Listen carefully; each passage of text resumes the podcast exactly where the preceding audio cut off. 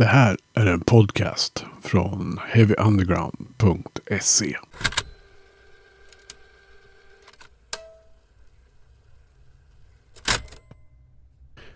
Då är ni välkomna tillbaka till eh, Heavy Undergrounds podcast. Jag heter Magnus Tannegren och i det här avsnittet så har jag besök av ingen mindre än Inge Johansson. Ehm, eh, han är ju en mångsysslare som har hållit på i många år nu i massor av olika band. Mest känd kanske för The International Noise Conspiracy där han var medlem. Och nu på senare tid i sitt eget soloprojekt Gatuplan som vi varmt rekommenderar här på Heavy Underground. Eh, jag tog ett snack med Inge om, eh, tja, hela hans eh, liv med musiken kan man väl sammanfatta det som. Ett långt och trevligt och intensivt samtal stundtals. Så jag ska inte tråka ut er genom att sitta här och babbla och fylla ut tid utan eh, besök heavyunderground.se för eh, fler intervjuer och eh, recensioner av ny svensk hårdmusik. Och så sätter ni er tillbaka nu och lutar er eh, skönt ner i fåtöljen och lyssnar på Inge Johansson som är gäst i Heavy Undergrounds podcast.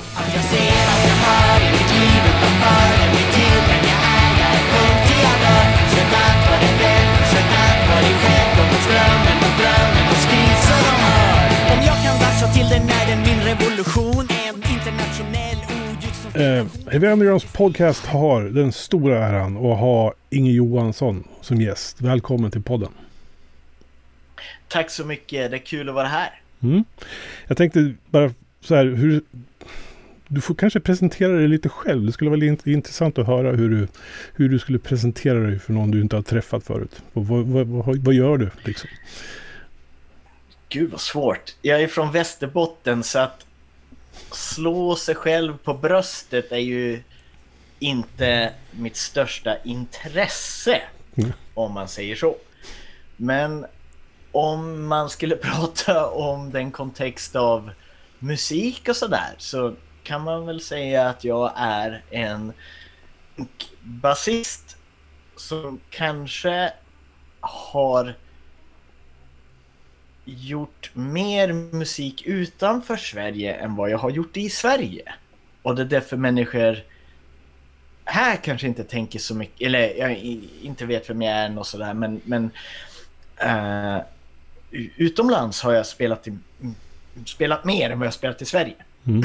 om, om, det, uh, om det går ihop, om, om, om, om, om det är logiskt. det vet jag inte, men det spelar inte så stor roll. om Nej. det är logiskt eller inte. Nej. Nej.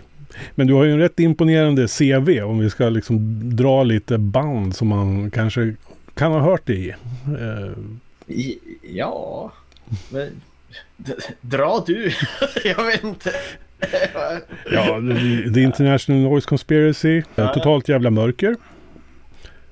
Ja, absolut. The Lost Patrol. Jag, jag har spelat plattan med Lost Patrol.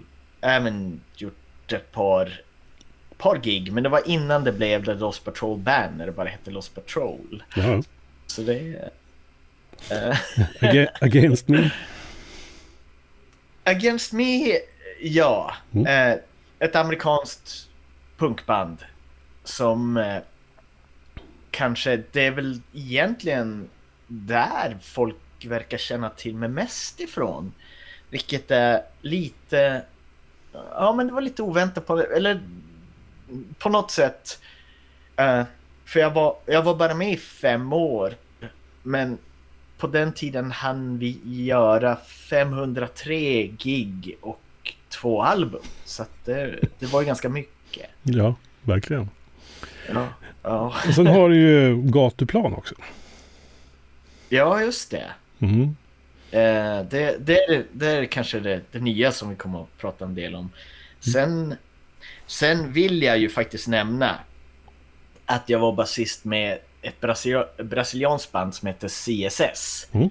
Eh, I ett halvårs tid ungefär. Jag vet inte om det står där på din lista. Men... Nej, den tror jag inte stod med. Nej, Nej. men eh, det är ju ett svincoolt band som jag tyckte mycket om innan jag blev tillfrågad att turnera med dem. De har jag turnerat med. Jag har aldrig spelat in med dem, men jag har turnerat Europa och Brasilien med dem. Och, eh, så har jag ju nu, eh, som jag släppte förra året, eller jag, som vi släppte förra året, Monkey. Jag vet inte om du har hört det? Nej. Nej, men det är... Känner du till ett brittiskt punkband som heter The Addicts? Det har jag hört, ja. Ja. Eh, sångaren Monkey, du vet killen med hatt och lite så clockwork orange smink och så här. Mm. Han skrev lite låtar som inte passade in i Addicts riktigt sådär, som inte blev, blev av spela in. Eh, så jag och han tillsammans med uh, ja, en kille som heter uh, Phil Rowland som spelade trummor i ett band som heter Slaughter and the Dogs.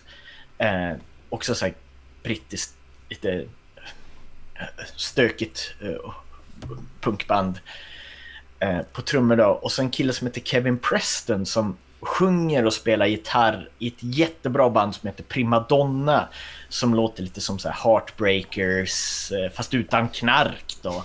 Och eh, eh, han spelar för övrigt sedan ett par år tillbaka i ett annat jättebra band som heter Green Day.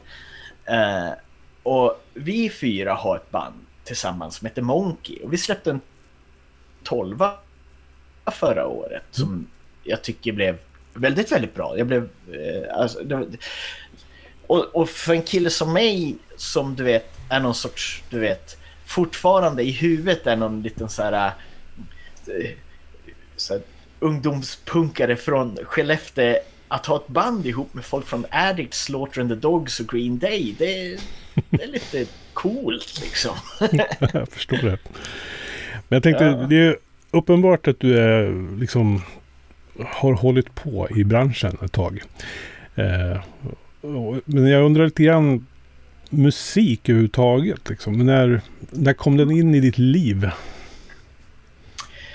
Det kom in väldigt tidigt. Uh, så här är det.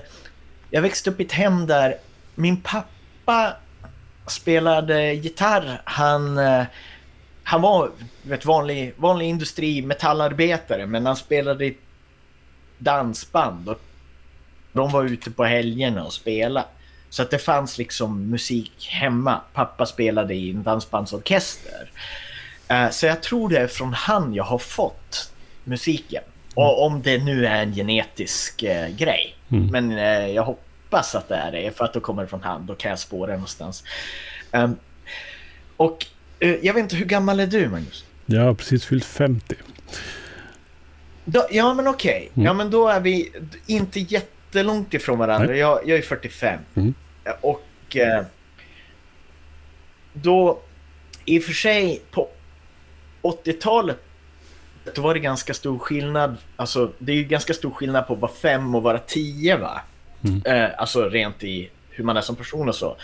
Men jag tror att vi kanske upplevde 80-talet på samma sätt eh, om man var musikintresserad. Mm. Jag kommer ihåg att 1984 så går det ett tv-program på SVT som visar musikvideos som heter Bagen med en tjej som heter Kia Berg. Som eh, senare sjöng i ett band som heter Wayne. Mm. Men hon, hon, och hon var ju en så här fantastisk eh, popkonstnärlig tv-personlighet. Hon presenterade musikvideos. Och jag kommer ihåg att de spelade Heavens on Fire med Kiss. Eh, mm. Och det här måste ju vara hösten 84 för den skivan kom ju på hösten, Animalize. Mm. Och jag vet inte vad som händer med mig. Alltså det är så starkt intryck av att se... Du vet, det är trummor, det är elgitarrer, det är långt hår och det är någon som hoppar genom en brinnande cirkel och det är det här wow, alltså du vet, mm sån där sång va. Hockey, ja men och det här idiotriffet. Som är, det vill liksom mer med dessa svintunga trummor Eric Carr sitter och pumpar på. I, där någonstans greppar hårdrocken tag om mig. Och släpper liksom aldrig greppet va. Um, och ungefär samma år visade de Twisted Sister, deras videos till Stay Hungry som var, var ju I wanna rock och We're not gonna take We're it. not gonna take it. Ja. Ja. Som i sina upplägg är helt fantastiska musikvideos för att de gjorde ju de gjorde ju eh, Roadrunner, alltså julben och gråben och Tom och Jerry fast med människor. Mm. Och med eh, otroligt catchiga, poppiga hårdrockslåtar. Och de såg ju häftiga ut, hade så här du vet, lite trasiga så här, svarta kläder med lite... Du vet, de såg ut Ja, ja. som fraggla, Fragglarna eller någonting. Men jag vet inte vad. Eh, och eh, de greppade också tag i mig. Och det här blir ju problem eftersom jag växer upp i en ort, eh, en by i Kågedalen. Um, Nikanor teratologens Kågedalen är jag från. Och som är väldigt småborgerlig och väldigt religiös. Och Hem och skola som är någon sorts så här, blandning av amerikansk konservativ så här, PMRC med lite så här, svensk proggig anti-amerikanism har en väldigt stor eh, opinionsbildningskampanj mot hårdrock och, och hur skadligt det är för barn och ungdomar och sådär. Eh, så jag möts ju av konfrontation från vuxenvärlden ganska tidigt och jag tror att det är då jag blir punkare. Mm. I själen. Eh, men det är då i nådens, i det Orwellska året 1984 då greppar musiken tag om mig. Och då är det hårdrock. Och jag kommer senare, alltså det är ju Kiss då, och så Twisted Sister. Jag kom in på Iron Maiden ungefär, kanske ett år senare och sånt där. Och eh, Eddie Meduza kommer också in runt och han är jättestor i Sverige då. Mm. Och det är ju väldigt roligt att lyssna på. De där låtarna är ju så jäkla catchy och eh, även om man inte fick lyssna på det så lyssnar man ju på det. Och det är så sjukt för att än idag, jag är ju 45 nu, då var jag ju, vad var jag då, sju?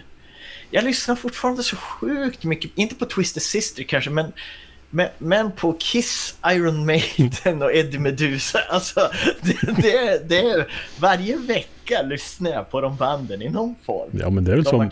Man har väl med sig det i sitt DNA. Jag kan ju säga att vi delar nog hela den där upplevelsen ganska identiskt. För att det var nog Twisted Sisters I Wanna Rock som fick mig att släppa allt lego när jag var 12. Ja, ja, ja, Och, och liksom rensa ut allt det där och satte upp alla affischerna på Dee Snider istället. Eh, Ja, och sen dess har jag En inte liksom... bildskön herre, en bildskön herre. Ja, ja. Och sen dess har jag liksom inte tittat tillbaks liksom. Utan det har varit hårdrock sen dess. Ja, ja, ja, absolut. Och, men jag kom in på punken lite senare, va? Men, men fortfarande än idag och hela resan hit så är jag alltid... Jag uppskattar mycket hårdrock fortfarande och sådär. Mm. Och, och det är en del av ens musikaliska eh, DNA, som, Mm. som vi kan säga. Liksom. Ja. Absolut. Men just det här med punken då, liksom när kom du in på det mer uttalat? Än att du var liksom bara att du blev någon sorts eh, motstånd i, hemma i Kågedalen. Ja, Liksom. Motstånd i Kågedalen. Barnomsorgen i övre Kågedalen. Del två, motstånd. Ja, det var alla vi små pyren som gick ihop. Nej, men det var... Eh, så här var det. Jag var väldigt, väldigt musikintresserad. Och jag var ganska ensam om det när jag växte upp. Jag var lite kuf sådär där jag bodde för att... Ja, men det var... Det var fotboll och hockey som gällde. Eller kyrkan. Eller ingenting. Eller fisket var väl också lite så här. det, alltså det är en by, 500 pers bor ju där. Mm. Och, och eh, det fanns liksom inga kulturella intryck eller uttryck. Mm. Och folk stöptes ganska mycket i samma form. Eh, och jag var väldigt musikintresserad jag hade ingen att dela det med riktigt. Så att eh, jag hörde ju mycket grejer senare än alla andra. Det var ju tack vare liksom kanske Rockbox på Sveriges Radio som jag höll mig lite ajour med musik och sådär. Det var där jag hörde liksom jag hörde Black Sabbath första gången där, jag hörde Metallica första gången där och det är ju också då band som har gjort det stora djupa intryck i mig. Uh, men ungefär där runt 1990 när jag började förstå att jag gillar så här thrash metal, jag gillar, jag gillar Metallica. Jag, så jag hör Sepultura, Beneath the Remains kom ju där då, är det 91? 89 tror jag den släpps. Va? Är det 89? Ja, jag tar för mig. Ja, men jag, vänta, jag blandar ihop det med Slayer, uh, Seasons in the Abyss. Ja, den är 90. Den är 90, just det. Ja, men du måste förstå, jag bor ute på landet och allting kommer mycket senare till mig. Men runt där 90, 91, då hör jag de där plattorna. Alltså eh, Seasons in the Abyss och, och eh, Pinter Remains. Metallica, det är här i, i bryggan mellan en Justice for All och eh, svarta plattan. Mm. Och jag tycker väldigt, väldigt mycket om den här musiken. Och och det är inte så konstigt, det är jävligt bra. Och att om man lägger så här genusperspektiv på det så fanns det ju inte så himla mycket emotionell musik för killar, för unga killar. Och jag tycker att Metallica och Slayer och Sepultura, det är väldigt emotionell musik. Jag, jag får stora känslomässiga upplevelser när jag lyssnar på de här banden. Mm. Och jag tror jag fick det då, men jag kunde inte riktigt, jag, hade, jag kunde nog inte uttrycka mig på det sättet, men jag fick nog det. Alltså att jag, jag upplevde mycket, jag kände mycket, den här musiken greppade tag i mig. Eh, och så hade vi, eh, ja men, jag hade en gitarr hemma, vi hade en elbas, pappa var ju musiker då. försökte väl lära mig att spela lite och det gick väl så där. I skolan, i musiken var det ju blockflöjt som gällde då. Ja, Hela, ja, och i... Uh, men, så att ja, det här med att spela musik, att spela att spela musik i ett band och stå på en scen och spela en gitarr eller spela trummor. Det var ju ungefär ett lika realistiskt scenario för mig som att en dag få köra årtusende Falken. Alltså det var ju inte riktigt, det, det, fanns, det var inte verkligt. Det kunde inte verkliga människor göra. Men jag började högstadiet och uh, då träffade jag lite mer folk som gillar liksom met, alltså det är ju då Sepultura och Metallica och så. Men det handlar mer om en image, att man ska ha en t-shirt, en jeansväst och som en av mina kompisar hade en, en, en fågelspindel i ett Marlboro-paket som han hade i sin bröstficka. Alltså det var på den nivån tuffheten var. Han hade fått en fågelspindel, alltid med sig den i ett Marlboro-paket i bröstfickan. Och det sjuka är ju att ingen lärare kollade upp det där för att han hade rökintyg. Kommer du ihåg det? Alltså på 80-90-talet så här bara, det var som helt okej okay, bara, mitt barn får bruka tobak om jag skickar med den här lappen till skolan. Så så här, barn, barn hade så här, rätt att, att röka och snusa använda tobak, bli nikotinberoende. Och därför hade, var han liksom home safe med det där uh, Marlboro-paketet i bröstfickan, men det innehöll en tarantula. alltså man, ja, uh, som man... och uh, det var sådana killar som jag hängde med lite grann. De, de hade ju mer, alltså du vet... Uh, det var mer en image. De, de tyckte om de där med t-shirterna med pushed motiv och mm. sådär och hade väl någon kassettband med Sepultura och sådär. Eh, och vi lyssnade på musiken. Eh, men det var fortfarande lite samma, eh, samma intryck att liksom spela det här, det verkar, det, det kommer jag aldrig klara av.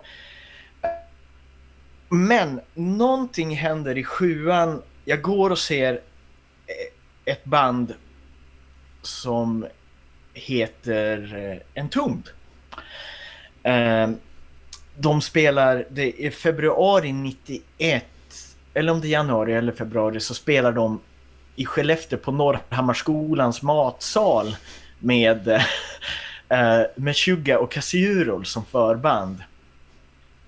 Och jag blir väldigt, väldigt drabbad av den här live-upplevelsen. Att, att höra musik sådär högt och, och så var det så, alltså du vet, det är så sjukt.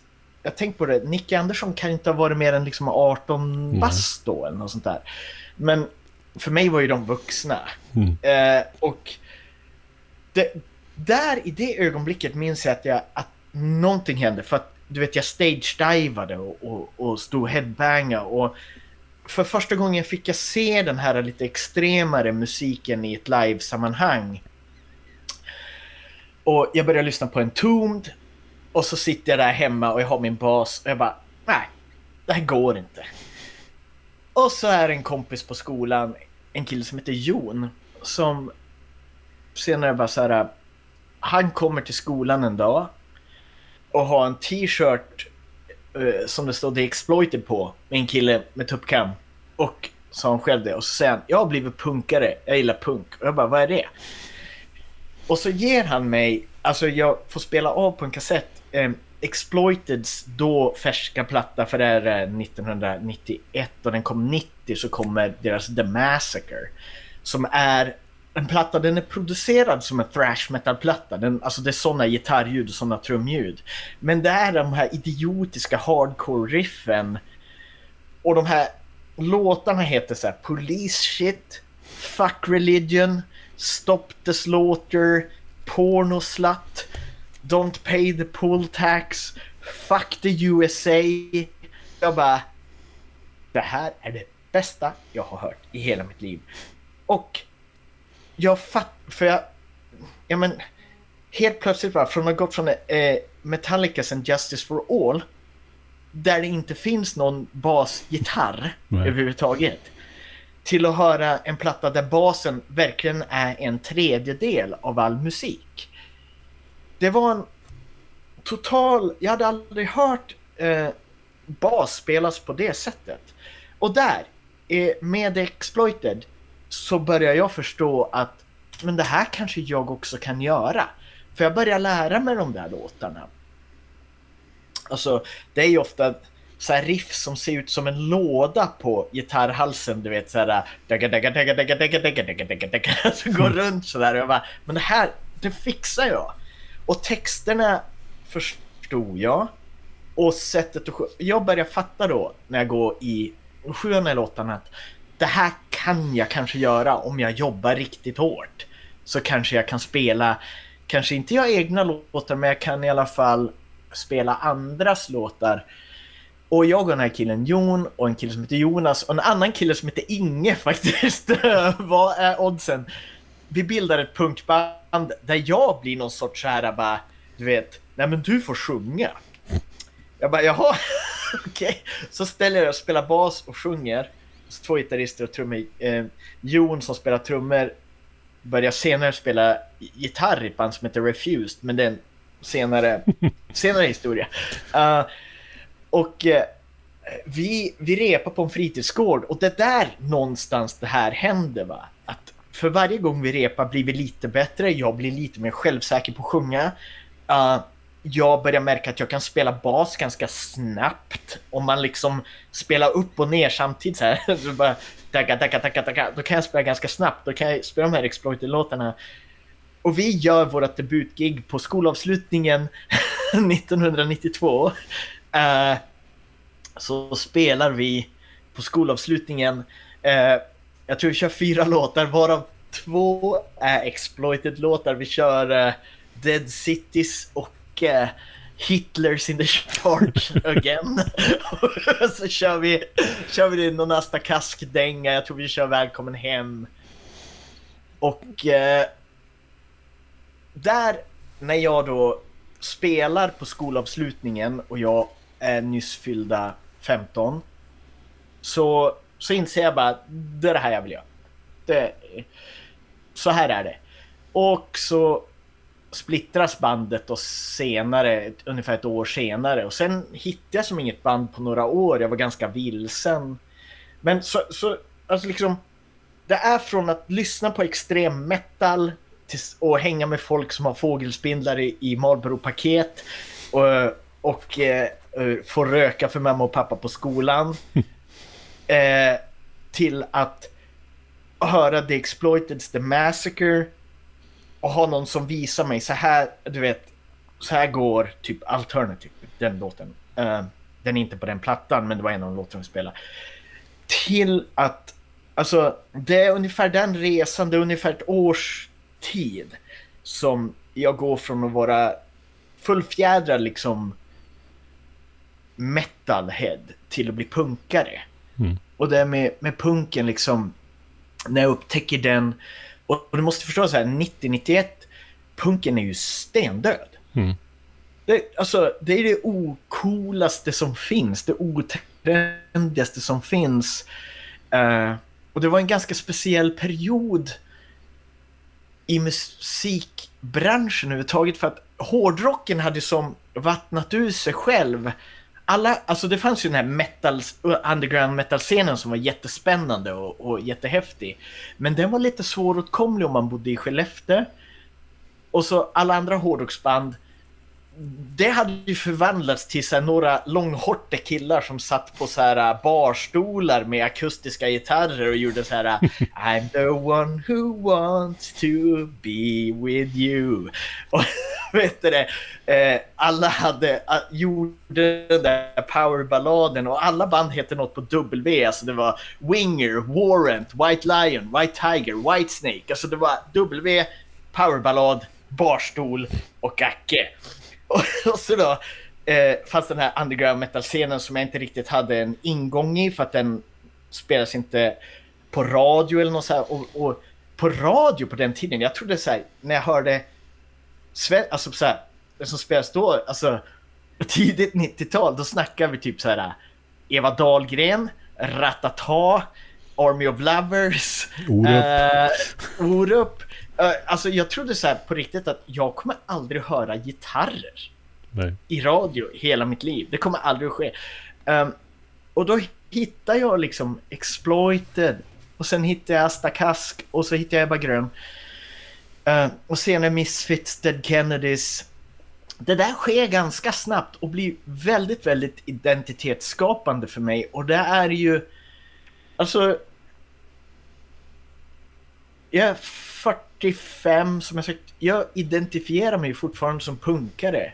Jag, jag på liksom det är väl det blir nästan bara viktigare för mig ju äldre jag blir för att jag för jag har ju inget annat. Nej. Jag kan vara lite fascinerad över att en sån liksom första påseende banal sak som rockmusik kan eh, liksom forma en människa på det sättet. Jag känner ju igen det, liksom hur, man, hur musik liksom sitter i, i ens fibrer, liksom som man hörde för 30 år sedan eller 35 år sedan. Men att, det, att, ja. man, att man liksom identifierar sig så starkt med det fortfarande. Eh. Ja men verkligen. Jag kan få... Ibland kan det vara sådär att man tar fram någon platta som man kanske inte har lyssnat på på, på 20 år. Och så helt plötsligt när man hör de där låtarna igen, jag kan förnimma dofter, mm. jag kan förnimma vart jag var, eh, människor som fanns runt omkring mig då som inte finns nu. Mm. Eh, Sådana saker va, kan musik...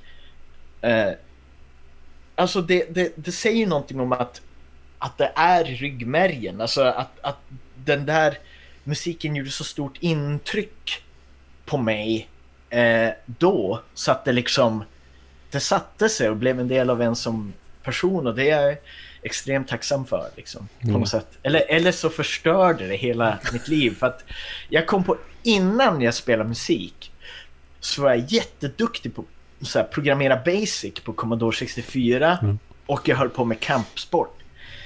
Eh, och idag kan jag ibland ångra att jag valde musiken så här, om jag tänker efter så här. Tänk om jag hade varit någon så här du vet, tech-kille nu som programmerar appar och var så här svinrik och bara flög runt och gjorde karatesparkar och höll på och sådär. Men... Äh. Jag tycker inte du har någon större anledning att känna dig missnöjd med tanke på vad du har gett till alla som har hört det du håller på med. Så att... ja, tack, tack, jag får ta den. tack ska du ha. Det är skönt att du slår. Det där är lite så här sånt man borde ta kanske i terapi eller något sånt här. Bara, Tänk om jag hade kunnat gå en kata idag och typ hade programmerat någon app som jag fick in massa passiva pengar på. Och så här. Men nej, jag gjorde någon punksinglar istället. Jag mm. skulle göra det. Ja, just det. Ha.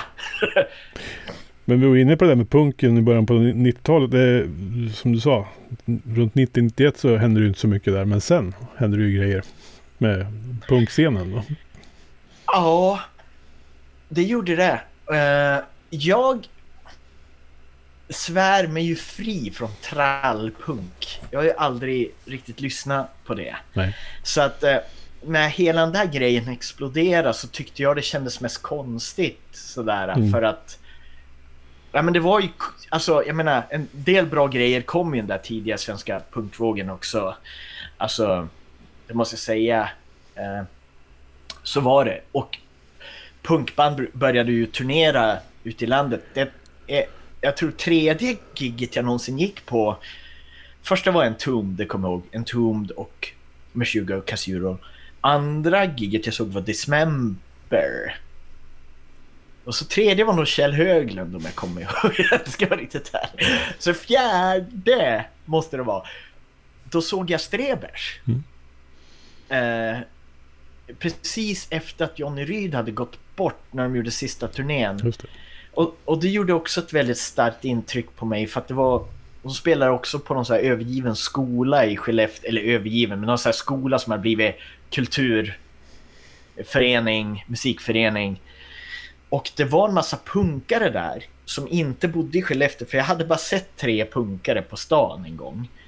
Så att det var folk som hade rest dit.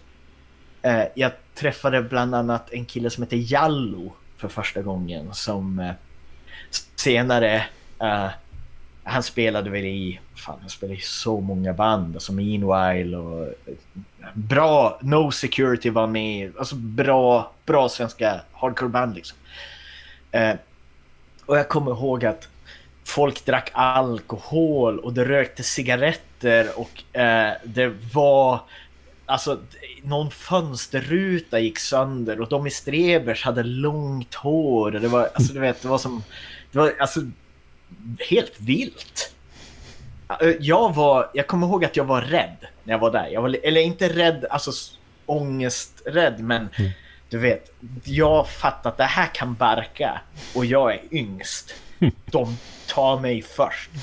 Men det var en väldigt, eh, det var en väldigt stark konsertupplevelse också. Så det, den vill jag ju skicka ut till Ulke och, och Stickan och var det Stipen som spelade trummor då kanske? Ja, det var det nog ja.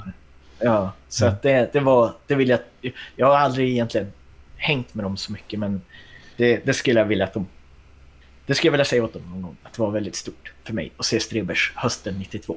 Mm. 10 oktober, jag kommer till och med ihåg datumet. Mm. Men parallellt med den här, jag hatar också begreppet trallpunk egentligen. Det är ungefär som att säga att saker från Seattle är grunge. Liksom. Vad är det för något? Men eh, parallellt med den så liksom vaknar ju hardcore-scenen uppe i Umeå-trakten där och så. Mm. Alltså det sätter ju lite fart bredvid varandra så att säga. Så att... Ja, det gjorde det. Men samtidigt var det så här att Umeå och Skellefteå har som legat i ett kulturkrig i så här 30, Det har med hockeyn att göra tror jag. Eh, så att det där... Eh, det tog sig lite skruv. Men jag tyckte det där var så konstigt. För att jag hade kompisar som när vi gick i gymnasiet var då hardcore-vågen hände. Mm. Eh, och de här banden i Umeå hände. Mm.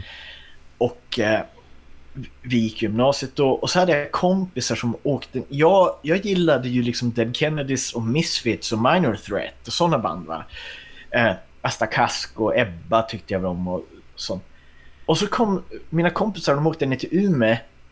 Jag var nog säkert lite avundsjuk för att inte jag var en del av, av gänget. Men de kom tillbaka med så här tröjor som det stod så här 108 Hare Krishna på. Och jag bara, det där är en fascistsekt. Alltså vet ni inte det? Alltså så här, det där är en fascistoid sekt som hjärntvättar människor. Vad har det där med punk att göra? Så att genast där så distanserar jag mig från det där. Och jag gick miste om en jäkla massa kul. Det är, ju, det, är bara, det är ju bara mitt eget fel att jag skulle vara så PK.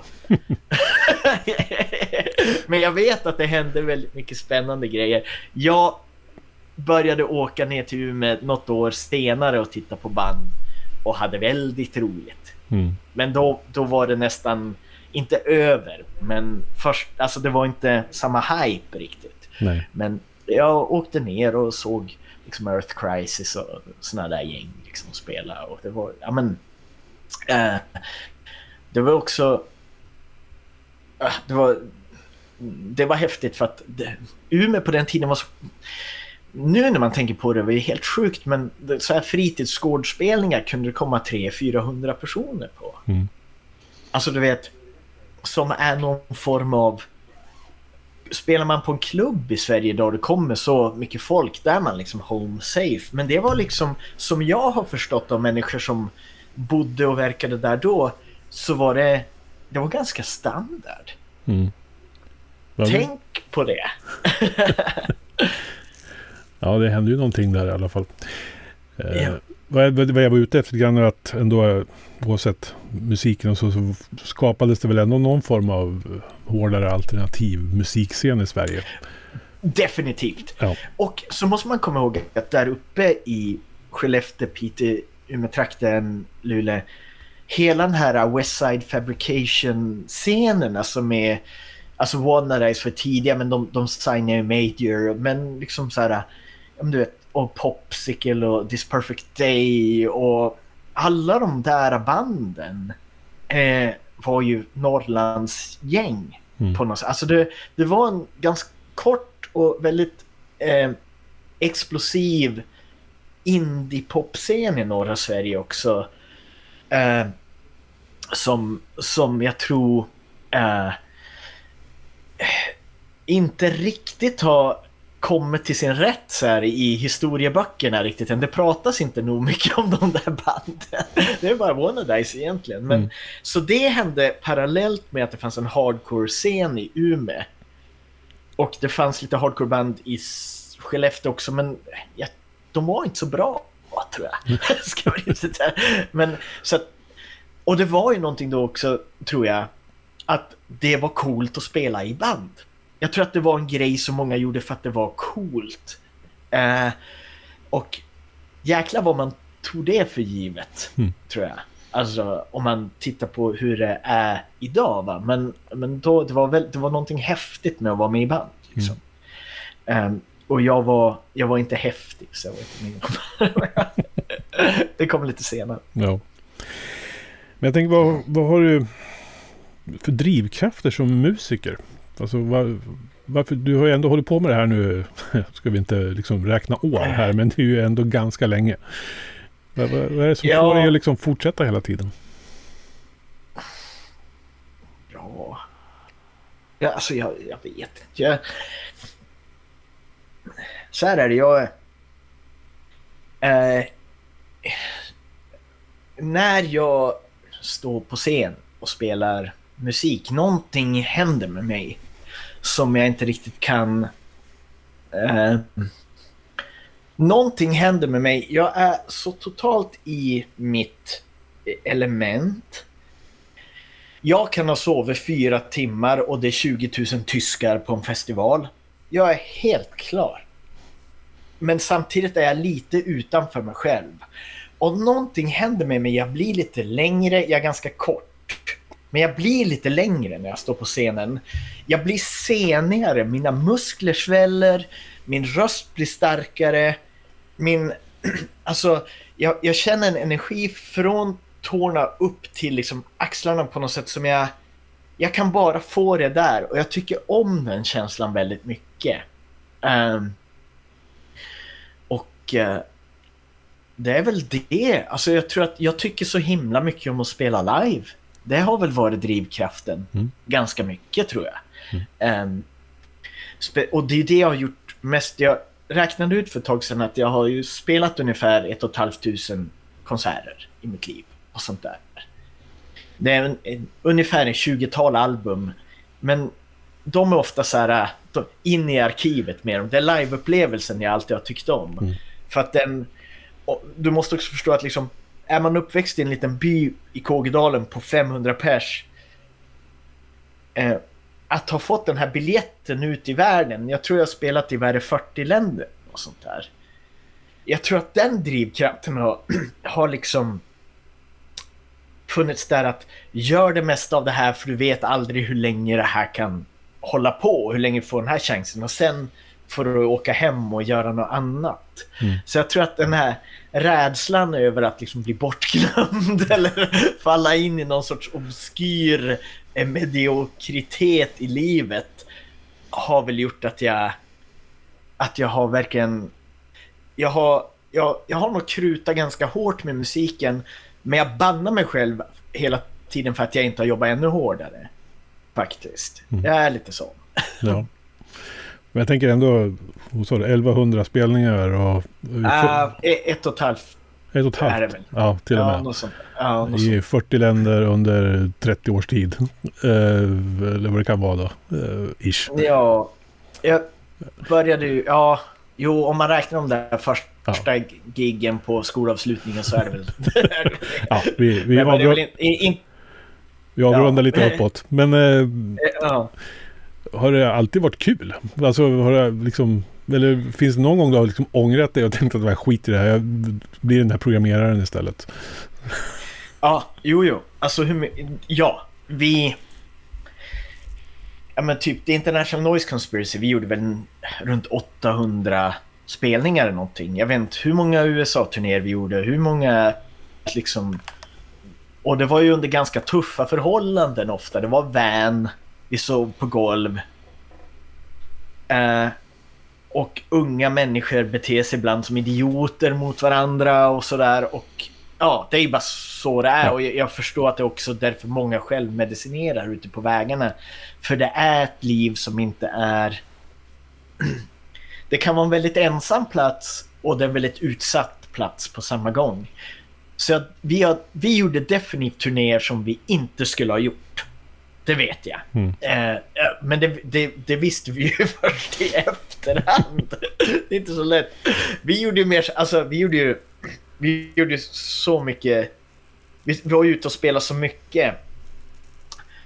Eh, vi, vi, levde ju på vägarna och vi älskade ju att stå på scen och så här, men ibland, det som var runt omkring var inte så hälsosamt alla gånger och eh, eh jag upplevde i en del andra band också att ja, men här fungerar det inte. Här har vi kanske problem och vi löser det inte för vi... Det finns människor som inte vill eller kan. Och de gångerna har man ju längtat, om inte hem, men bort. Så det, det har ju funnits, helt mm. klart. Det har inte varit kul hela tiden. Det är klart. Um, uh, men det har ju haft mer med mellanmänskliga relationer att göra än att spela musik. För det, det har jag alltid tyckt. Mm. När har det varit som bäst då? Ja du. Eh, det har varit bäst väldigt många gånger. Mm. Alltså, väldigt många gånger har det varit bäst. Som typ, alltså allt ifrån att eh, International Noise Conspiracy spelar stora scenen på Coachella liksom just före The Strokes. Eller till och med alltså att Noise Conspiracy spelar någon sån här eh, konstig spelning i Italien tillsammans med The Damned och Stooges. Alltså du vet, så, alltså, du vet när man har varit i de där ögonblicken, vad händer här? Mm. Så, Noise Conspiracy är förband till Metallica i Spanien. Liksom så alltså du vet det... Eller, och, eh, men, eller typ att, ja men som när vi, när vi skrev, när Noise Conspiracy, International Noise Conspiracy skrev eh, Major kontrakt med American Recordings och vi spelade in en platta i Sound City tillsammans med Rick Rubin. Uh, och typ, vi bor på något hotell på Sunset Strip i typ två månader. och du vet, och repar på SIR tillsammans med Rick Rubin och så här. Eh, då var man ju bäst. Alltså, eller det var ju som, grejen är, det som var skönt, det var ju att vi bodde i Umeå. För där kan man inte vara rockstjärna. Nej. Det, det, det är inte ett sånt ställe, det är inte Stockholm.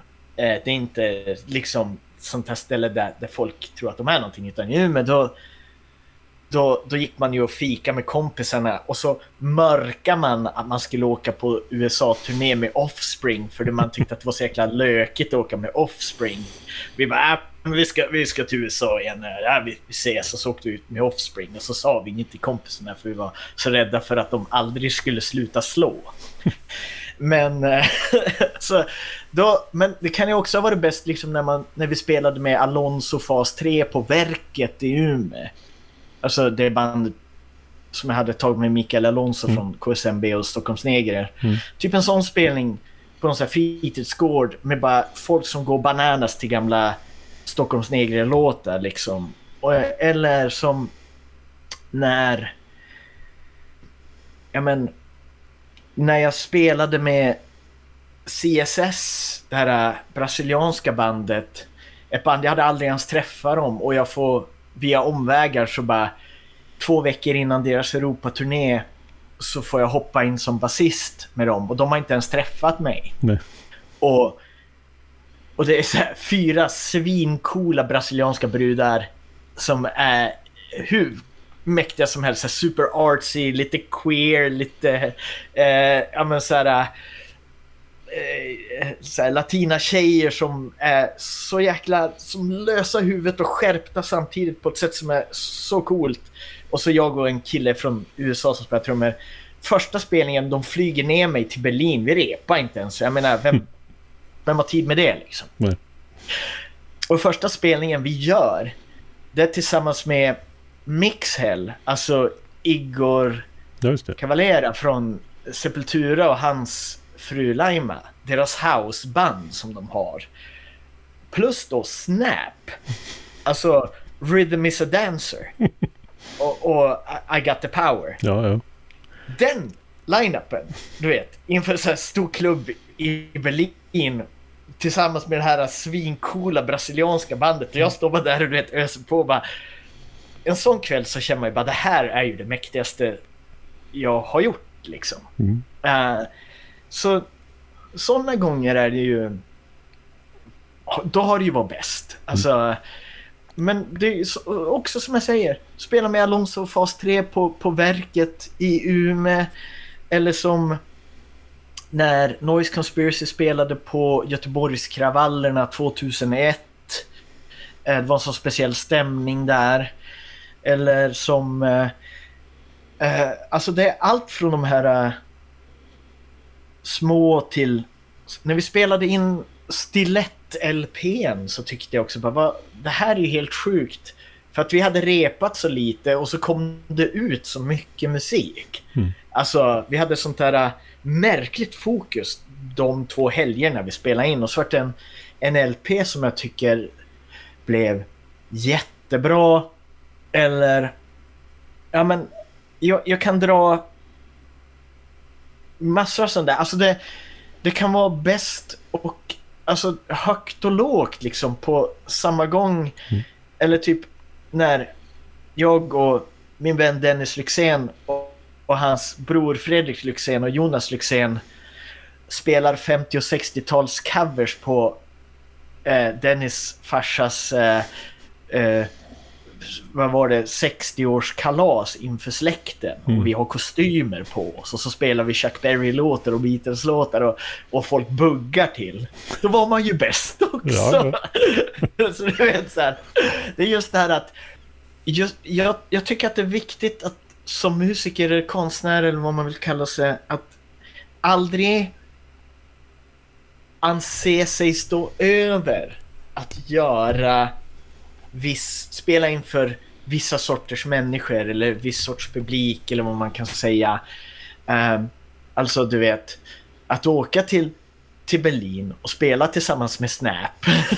okay. Eller spela på Dennis Lyxzéns farsas 60-årsfest med och spela eh, och folk buggar. Mm. Och, eh, eller att åka och spela in eh, två plattor med Rick Rubin då i Los Angeles. Alltså du vet så här. Högt, det har varit så hela tiden. Högt och lågt.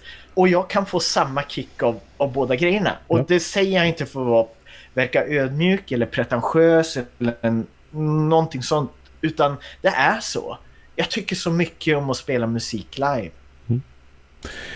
Eh, men idag då? Vad, vad har du liksom för projekt och band liksom som är mus musikaliska äventyr som du ägnar dig åt just nu? Eh, just nu så eh, har jag, jag har precis blivit klar med nya Gatuplan-plattan. Det är för första gången gör jag ett soloprojekt. Eh, jag släppte... Förra året så släppte jag debut-LPn med Gatuplan med, via Sound Pollution då. Och så har jag spelat in en till. eller jag, vi. Det är ju ett band i studion. Mm. Sådär. Vi har spelat in en till platta som jag är väldigt, väldigt, väldigt eh, nöjd med hur den blev. Det känns som att jag fick... Nu har jag gjort den plattan jag ville göra förra gången. Okej. Ja, du vet, man har som kommit ikapp sig själv lite. Mm. Så nu har jag börjat skriva låtar till en tredje platta. Eh, sådär. Och så håller jag på att spela in bas med en amerikansk artist som heter Hurt Hawks. Jag håller, så här indie, alltså jätteliten artist men gjort en del ganska coola grejer. Som, eh, och så pratar jag nu med en tjej från England som heter Louise Distress som spelar, eh, hon är lite så här eh, folkpunk eh, eh, stuket så här. Eh, vi ska mm, kanske nästa år göra någonting tillsammans. Eh, Eh, nu, jag hoppas jag inte jinxar mig själv genom att prata om... Så hade det varit kul att göra någonting nytt med Monkey. Eh, däremot så saknar jag så här, i och med att gatuplan då sjunger jag bara. Eller i studion så spelar jag bas också. Mm. Men live så sjunger jag bara. Jag saknar faktiskt att spela, vara basist i något band. Det hade varit coolt. Det hade jag velat göra igen faktiskt. Mm. Men just nu är jag, är jag inte det faktiskt. Nej. Det har varit mycket gatuplan plus, plus eh, det där, det vi pratade om innan, där med livspusslet. Att Ja. det, var, det var lite rörigt ett par år. Men nu, nu börjar det ordna upp sig. Så att då, då tänker jag, ja, men nu, nu ska vi spela musik igen. Mm. Så jag håller väl på att bara scouta runt. Så här, jag, vill, jag vill hitta ett nytt band och bli basist i. Det är det jag vill göra nu. Liksom. Eh, Så jag hoppas att ja, Vi, vi lägger ut en liten blänkare här då om det. ja, absolut. det blir jättebra. Basist finnes. Eh, Ja, jo precis. Ganska kort dock. Det får ni ta av. Men, uh, nej men så det, Gatuplan har väl varit det som har varit lite min baby senaste två, tre åren.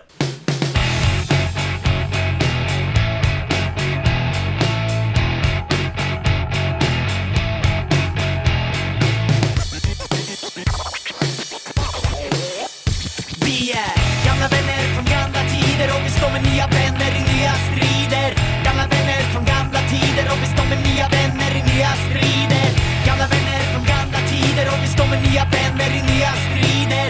Gamla vänner från gamla tider och vi står med nya vänner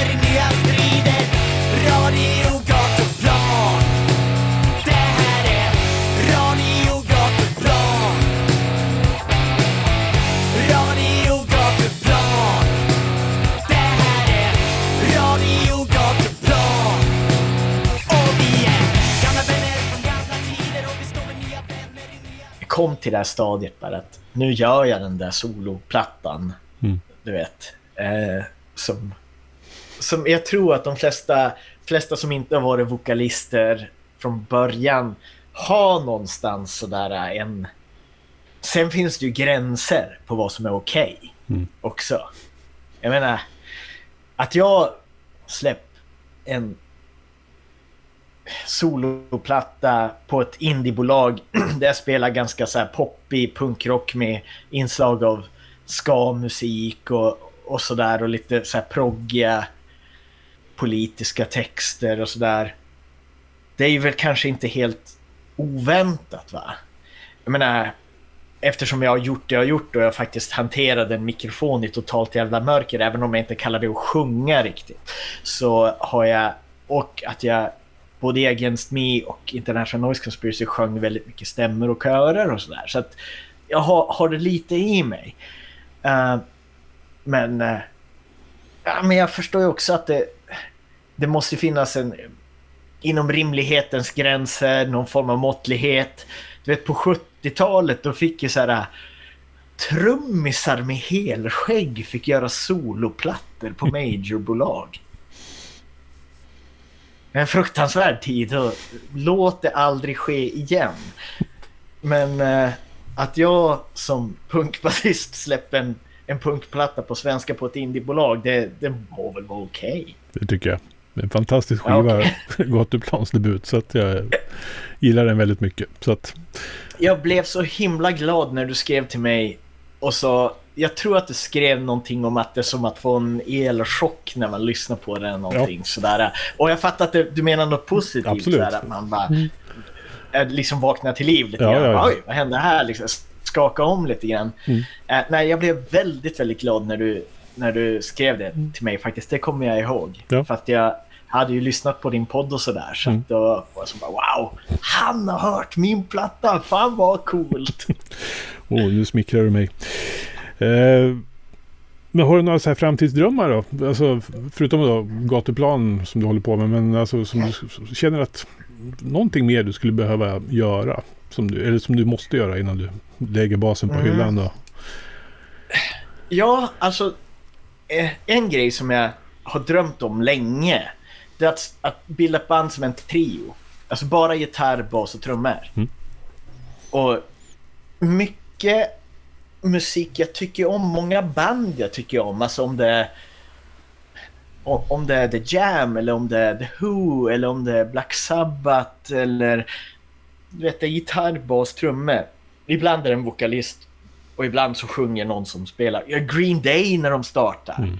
Eh, jag, vill, jag vill göra den där trion. Jag skulle vilja göra den där trion. Eh, och verkligen ha den där...